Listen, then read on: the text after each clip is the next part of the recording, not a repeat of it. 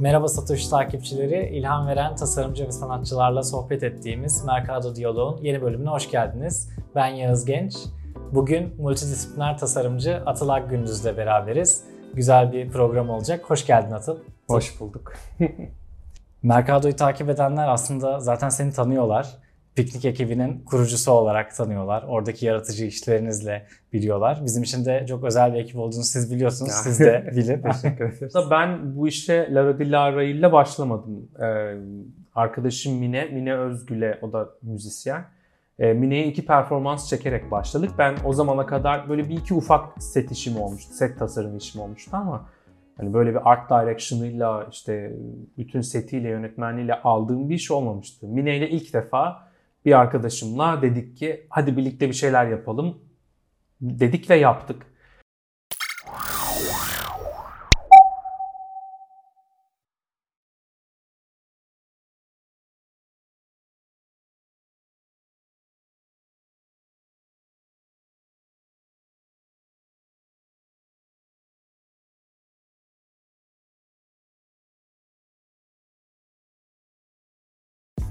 Mercado Diyalog'dan herkese merhaba. İlham veren tasarımcı ve sanatçılarla hem son dönem çalışmalarını hem de üretimlerin arka planında zihinlerini besleyen konuları konuştuğumuz programımızda bu bölümün konuğu multidisipliner tasarımcı Atıl Akgündüz. Atıl'ın mimariden illüstrasyona, sahne tasarımından dövmeye, farklı disiplinlerdeki üretimlerinin odağında hep iletişim var. Lara Dilara ile tasarladığı konser deneyiminden performatif çizime ve günümüzde multidisipliner üretim yapan bir profesyonel olma haline uzanan ilham verici bir sohbet için Atıl'la bir araya geldik.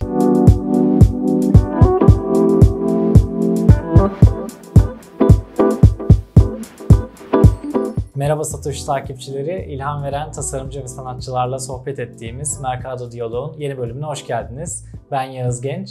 Bugün multidisipliner tasarımcı Atıl Akgündüz'le beraberiz. Güzel bir program olacak. Hoş geldin Atıl. Hoş bulduk. Mercado'yu takip edenler aslında zaten seni tanıyorlar. Piknik ekibinin kurucusu olarak tanıyorlar. Oradaki yaratıcı işlerinizle biliyorlar. Bizim için de çok özel bir ekip olduğunu siz biliyorsunuz. Siz de bilin. Teşekkür ederiz. Ee, hem çünkü çok farklı alanlarda böyle aklımıza gelmeyen özgün işler yapıyorsunuz hem e, kişi kişi, birey birey bizim için özelsiniz, insan olarak seviyoruz. Hem de e, ilk sayımızda da, ilk basın edis yolumuzda da çok güzel bir röportajımız olmuştu. Evet. Ondan dolayı da bizde yeriniz özel. Ama bugün e, birazcık daha piknikten ziyade senin özelinde, senin üretimlerin üzerinde konuşalım istiyorum. Çünkü sen üretimlerinde multidisiplinerliği çok net görebildiğimiz, bu iş çeşitliliğine sahip ve her tarafta da her farklı alanda da bu ilhamı taşıyan bir insansın. O yüzden e, bu sohbeti yapmak çok istedim açıkçası. Tekrardan hoş geldin hoş deyip. Bulduk. bu arada teşekkür ederim güzel cümleler için çünkü şey çok önemli geliyor. Hepimiz için yani bütün ekip için de benim için de. Bir şekilde yaptığın işlerin böyle tanımları çok bulanık olunca karşı taraftan anlaşılması bazen çok zor olabiliyor. O yüzden sizin tarafta da bunun böyle görülebiliyor olması da bizi çok mutlu ediyor. O yüzden ben de heyecanlıyım. Mutluyum burada olmaktan. Teşekkür ederim. Biz de aynı şekilde çok mutluyuz. Ee, bu farklı şeyler yapıyor olan ekiplerin, Hı-hı. bu muğlak alanlarda çalışan ekiplerin aslında ne kadar güzel şeyler yaptığını, e, iletişimini güçlendirerek Hı-hı. ifade etmek e, bizim için de çok önemli. Çünkü çok fazla böyle üretim var son zamanda özellikle son Hı-hı. dönemde ve e, ifade edilerek, anlaşılarak aslında değeri verilebilecek taraflar. O yüzden de biz de önemsiyoruz. E, çok da yani bu şekilde ifade etmeye çalışıyoruz. Umarım sizin tarafta da. Yok anlaşılıyor. Ya zaten dediğin gibi hepimiz biraz e, o sınırların muğlaklaştığı yerde yürüyoruz gibi bir şey. Biraz yani bu çok hani bir şey daha iyi bir şey yapalım kaygısıyla da olan bir şey ama bence diğer taraftan çok böyle o karnından gelen insanın yani bugünün bugün 21. yüzyılda genç olmakla alakalı bir şey olabilir. Genç bir üretici, yaratıcı olmakla alakalı olabilir. Çünkü karnından gelen bir şey üretiyorsun ya orada dolayısıyla çok daha böyle ya şu da var ya bu da var oluyorsun. O yüzden böyle bazen önceki o çok definasyonlar yani o tek kanallı şeyler böyle dallanıp budaklanıyor hepimiz için. O yüzden böyle herkes bir noktada birbirine değiyor gibi bir durum da var. E, bana göre her şeyi yapıyor olma halindeki bu multidisiplinerliği, multidisipliner üretimi çok güzel örnekleyen bir alan. Kesinlikle sahne tasarımı alanı. ve sahne tasarımında Lara Zilara ile en son çok güzel işler yaptığınızı da biliyorum, görüyoruz. O süreç nasıl başladı? Birlikte neler yapıyorsunuz? Oradan başlayabiliriz. Ya o süreç şöyle başladı aslında. Ben bu işe Lara Dilara ile başlamadım. Ee, arkadaşım Mine, Mine Özgül'e o da müzisyen. Ee, Mine'ye iki performans çekerek başladık. Ben o zamana kadar böyle bir iki ufak set işim olmuştu. Set tasarım işim olmuştu ama hani böyle bir art direction'ıyla işte bütün setiyle yönetmenliğiyle aldığım bir iş olmamıştı. Mine ile ilk defa bir arkadaşımla dedik ki hadi birlikte bir şeyler yapalım dedik ve yaptık. Ee, o süreçte de işte Mine'ye çektiğimiz o iki performansta da ben aslında set tasarımı için girdim. Set tasarımını yaptım. Ee, ama orada biraz böyle şey bir süreç içerisinde şeyi keşfetmeye başladım. Yani diğer şeylere dair de söylemek istediğim birçok şey var ama söyleyemiyorum bir noktada. Çünkü bilmiyorum kimin görev tanımına dair bir şey söylüyorum. İşte yönetmenin mi, görüntü yönetmenin mi, ışıkçının mı, kimin hiçbir fikrim yok. Dolayısıyla e, Mine ile yaptığımız o ilk iki işte biraz keşfetmiş oldum ve birazdan tanıdığım ve arkadaşlarımla çalıştığım için şey deme rahatlığım çok oldu. Hani ya acaba şöyle mi yapsak? Acaba bir de böyle mi yapsak setin dışında? E çünkü müzisyenin oradaki davranışı, oradaki attitude'u, işte acting'i bile çok kritik hale gelmeye başlıyor. Çünkü senin tasarladığın dünyanın içinde örneğin orada onun gülmemesi gerekiyor gibi bir e, algıyla başladım bu işe. Dolayısıyla Mine ile yaptığım o ilk iki işte biraz şey keşfetmeye başladım.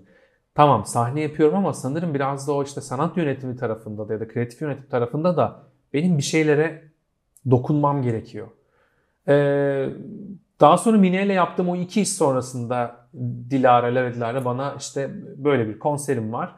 Ee, pandemide çıkardı ama lansmanını yapamadı, lansman konserini yapamadığı albümü Sudaki Çığlık için bir konser verecek Zorlu Center'da, PSM'de.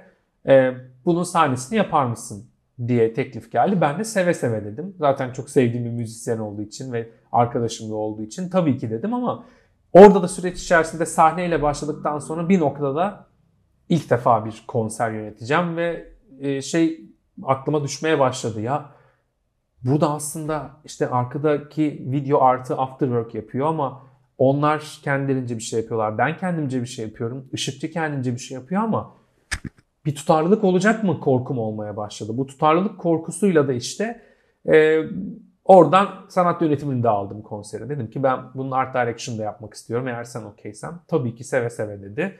Ben bu sefer o tarafı da almış oldum. Derken süreç içerisinde ışığa bir şey söyle, e, arkadaki video artlara dair brief ver, kendi işini yap derken ben en sonunda konseri yöneten kişi oldum. Yani konserin bütün yönetmenliği de bende oldu.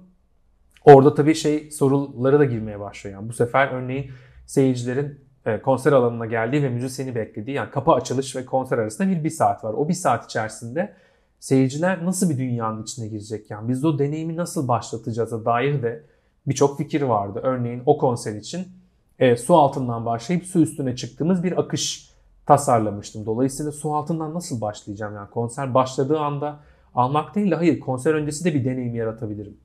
Orada bu sefer tabii ki müzisyenler tarafından, Dilara'nın ekibindeki müzisyenlere benim böyle bir su altı sesine ihtiyacım var. Böyle böyle bir şeye ihtiyacım var. Oradan afterwork'e başka bir brief.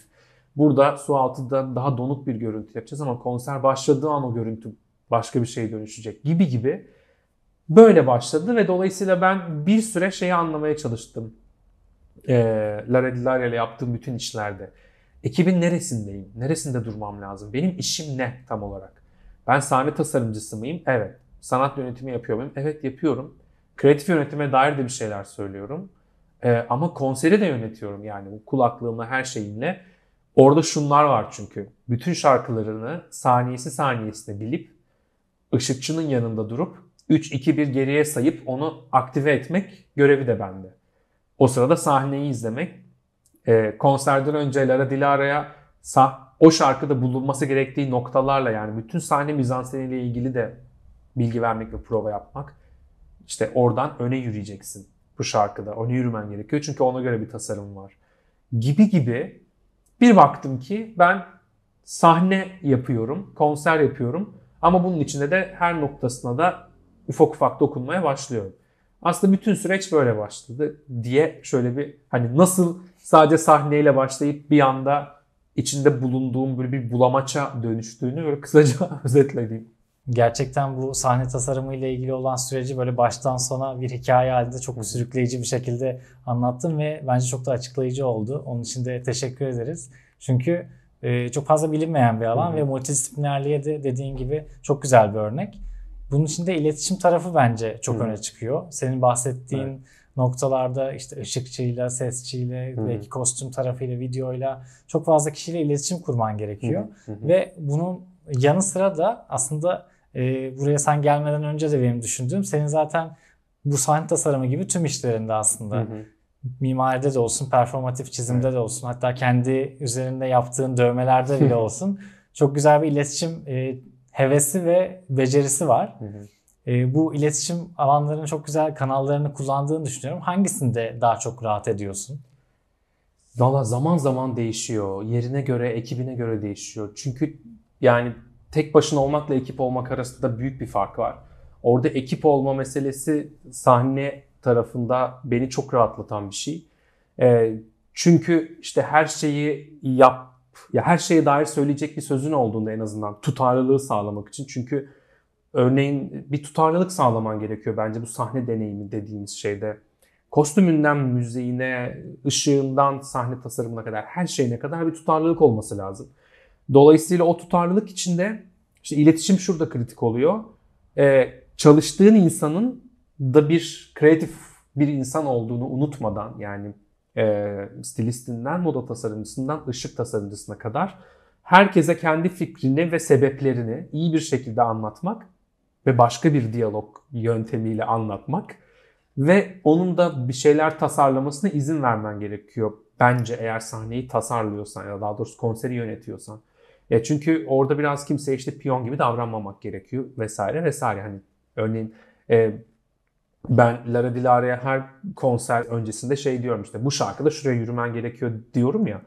E, ama orada sonuçta o bir müzisyen ve yani yılların deneyimiyle orada seyirciye yaklaşması gerekiyorsa çünkü bazen şeyi fark ediyorum işte seyirci yükseltmesi gerekiyor. Dolayısıyla onlarla iletişime geçmek için ışık alanının dışına çıkıyor. Orada mesela ilk konserler böyle ilk çalıştığımızda böyle şey oluyordu. Niye çıktın? Sonra şeyi fark ettim. Hayır çıkması gerekiyordu. Tamam benim ona yönelik bir plan demek ki geliştirmem lazım bir sonrakinde gibi. Ya da işte örneğin ışıkçı, ışık tasarımcısına yani ben böyle bir şey istiyorum ama sen ne tasarlarsın bunun için demek gibi. Orada da şeyi çok kullanıyorum. Benim en büyük konfor alanım bence e, bilmiyorum şimdi ukala bir söylem olabilir de herkese nasıl konuşacağımı iyi bilirim gibi hissediyorum. Burada akademide geçirdiğim 4 yıl yani öğretim görevliliği yaptığım 4 yılda en sivri inatçı öğrenciyi de ikna etmek, en introvert sessiz öğrenciyi de ikna etmek, akademisyen arkadaşlarını, çalışma arkadaşlarını ikna etmek. Bir şekilde kendi fikrini temiz bir şekilde anlatmak diyeyim. Çoğu zaman ikna etmek oluyor o zaten. Ya da şu anki işlerimde e, mimari tarafta piknikle yaptığımız her işte işverenle konuşma ve onu ikna etme tarzımız ve metodumuzla şantiyede ustalarla konuşma ve onları ikna etme metodu asla aynı değil. Bu biraz böyle bazen sahtekarlık gibi de hissettiriyor ama aslında sahtekarlık değil yani. Kendimle de öyle konuşuyorum bazen. Canım sıkkın olduğunda neye ihtiyacım olduğunu bildiğim için mesela diyorum ki benim bugün evde oturup yorgan altında şöyle hüngür hüngür bir ağlamaya ihtiyacım var diyorsam kendime onu veriyorum. Ya da kendime çok sert konuştuğum zamanlar da oluyor. Bazen de görmezden geliyorum kendi görmek istemediğim şeyleri gibi. Bu iletişim tarafındaki deneyim benim en büyük konfor alanım. O yüzden dövme yaparken de iki yıl dövmecilik yaptım ben üniversitede öğretim görevlisiyken aynı zamanda. Yani aslında baktığında ne kadar farklı iki uç bunlar. Yani bir, bir yerde işte eğitim veriyorsun vesaire. Tabii ki benim içinde bulunduğum meslek alanında çok daha masa başı yani paylaşıma yönelik bir eğitim var. Aktarıma yönelik değil. Ama yine de orada kurduğun iletişim şekliyle birine dövme yaparken kurduğun iletişim şekli çok farklı. Karşındaki insana o rahatlığı vermen lazım ki.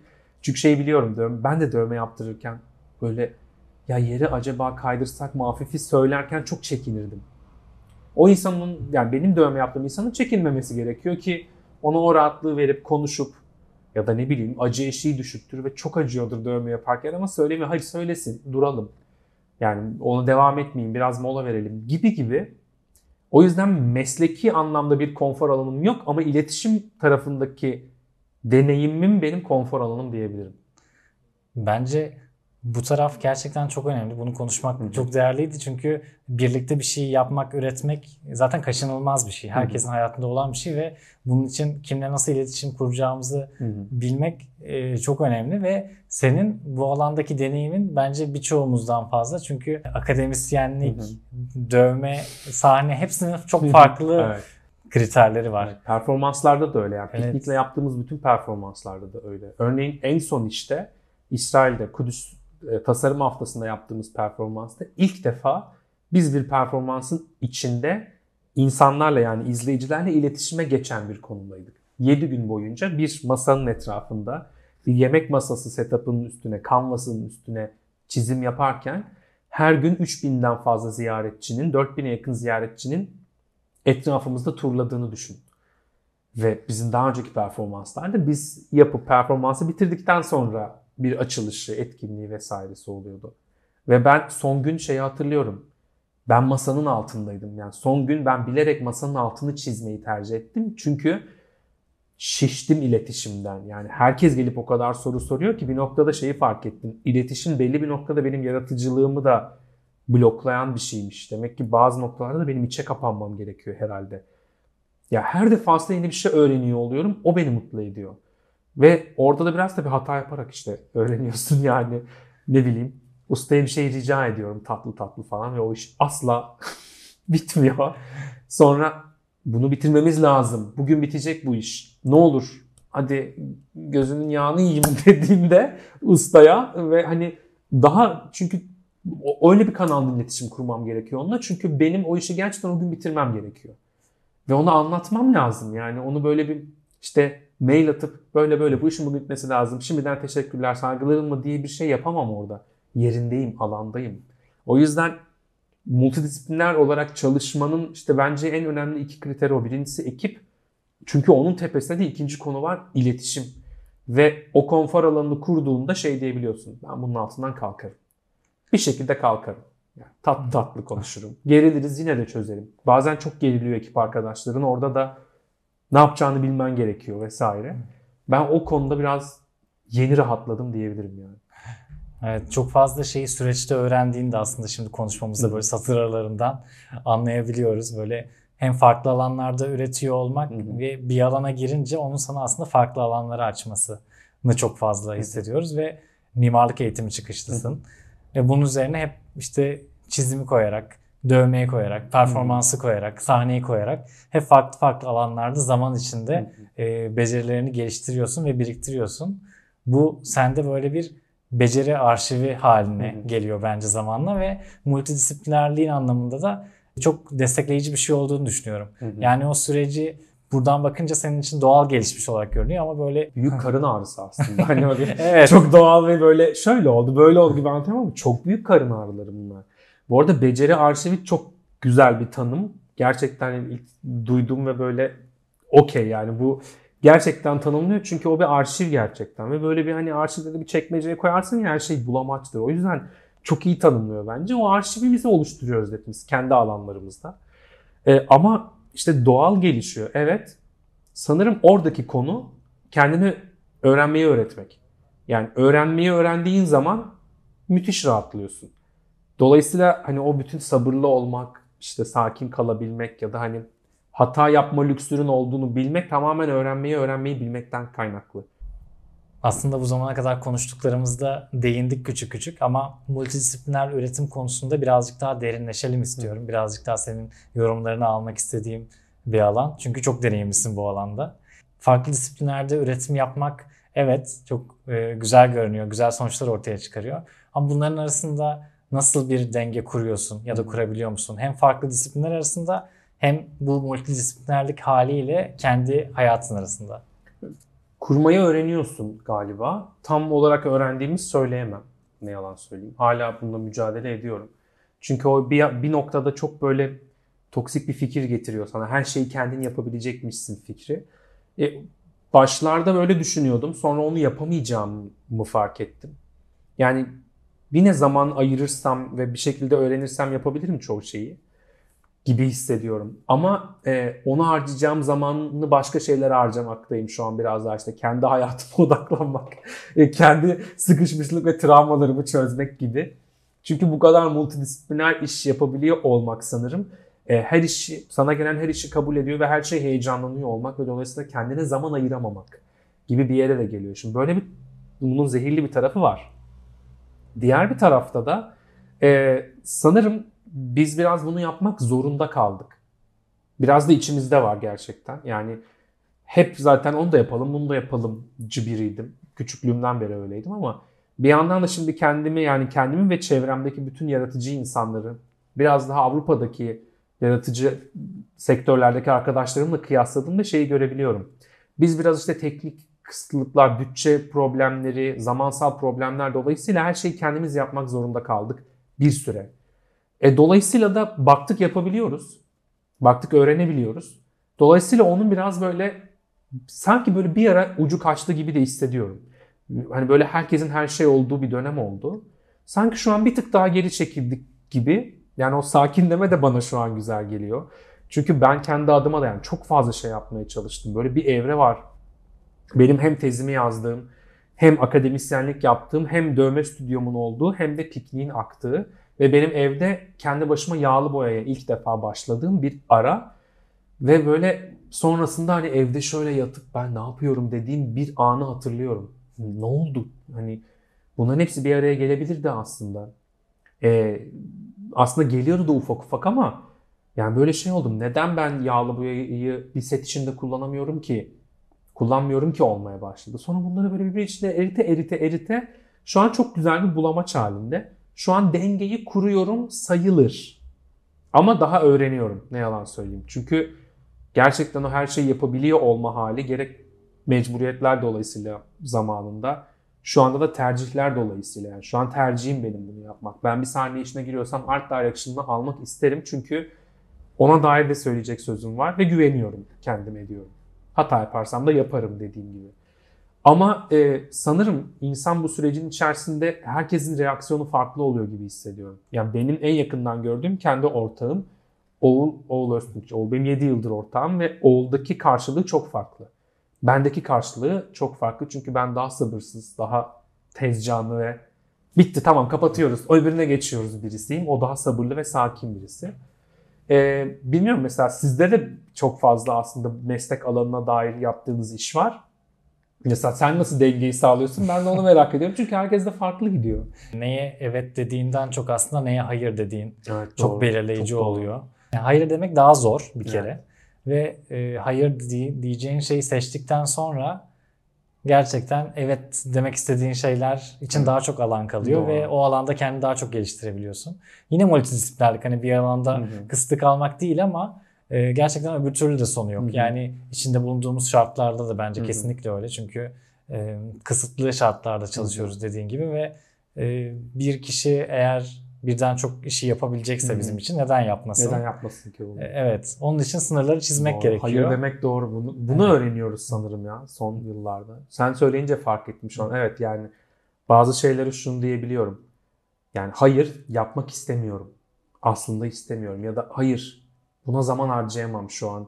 Önceden o yoktu yani. O bir fırsat gelince tamamdık. Aynen. Şu an biraz daha Öncelikler konusu bence yeni jenerasyonda da çok daha e, belirgin. Hı hı, Yani bizim işte üniversite okuduğumuz zamana bakarsam hani o kadar farkında olduğumuz ve e, sahiplendiğimiz bir taraf değildi. Hı hı. Yani yapmak istediğin şeyi, daha başarılı olacağına inandığın şeyi, daha değerli olduğuna inandığın şeyi önceliklendirmek Hı hı. aslında e, o alanda daha fazla efor sarf edebilmene ve emek harcayabilmene Hı hı. yol açtığı için e, seni istediğin yere daha çok yaklaştırıyor. Evet. Peki şu mesela şeyi düşünüyorum bunu söyleyince. Şu an acaba üniversitedeki zamanlarıma dönmek ister miydim yani bugün? Çünkü bizde yine hani bizim biraz belki zorlayıp kırdığımız bir şey vardı. O kadar multidisipliner bir alan tabii ki vardı yani. Bizde kendimiz, bizim jenerasyonun ürettiği bir durum değil bu ama şu ankine göre çok daha azdı işte. Bilgiye erişimin daha kısıtlı olması dolayısıyla. Ben üniversiteden mezun olalı 8 sene oldu galiba. 8 sene çok bir sene aslında. Bugünün şu hızlı döngüsüne baktığımda. O yüzden mesela bugün mezun olsam çok daha şey olabilirdim galiba. Çok daha büyük soru işaretleri ve böyle bulamaç bir e, zihinle böyle deli saçması gibi her yere çarpıyor olabilirdim. Evet. O yüzden şey belki de dikkatli de gitmek lazım artık biraz. Kesinlikle. Ama o dönemin de çok belirleyici Evet, şey çok. oluyor. Yani mesela pandeminin hayatın hangi dönemine denk geldiği Evet. bence bütün şeyi değiştirdi. Hı hı. Yani üniversite dönemimin daha yakınına denk gelmesini asla istemezdim. İstemezdim. Ben de pandemi şey oldu mesela evdeyim ve bir sürü bir şey yapabiliyorum. Dolayısıyla sürekli bir gün dövme yapayım, öbür gün heykel yapayım, bilmem ne o gün video editleyeyim falan derken böyle evde şey gibi çalıştığımı fark ettim. Tek başıma bir ajans gibi.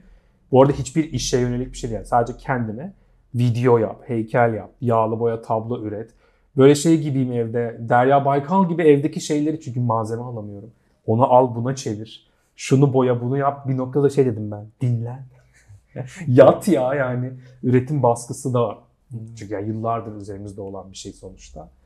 Ama işte faydalarını da görüyoruz ya. Yani kesinlikle faydaları görünüyor ve e, bunu da böyle birazcık daha serbest bir şekilde hı. seninle konuşmak istedim. Çünkü e, multidisipliner üretimden konuşalım diye bir yere geldik ve ikimiz de çok içinde olan e, iki kişiyiz. Bunu böyle daha hani net sorular cevaplar değil birazcık daha kişisel bir iç dökme haline de dönmüş olabilir ama bence Yok, çok da keyifliydi o. güzel bir kaynak Evet. haline gelmiş oldu.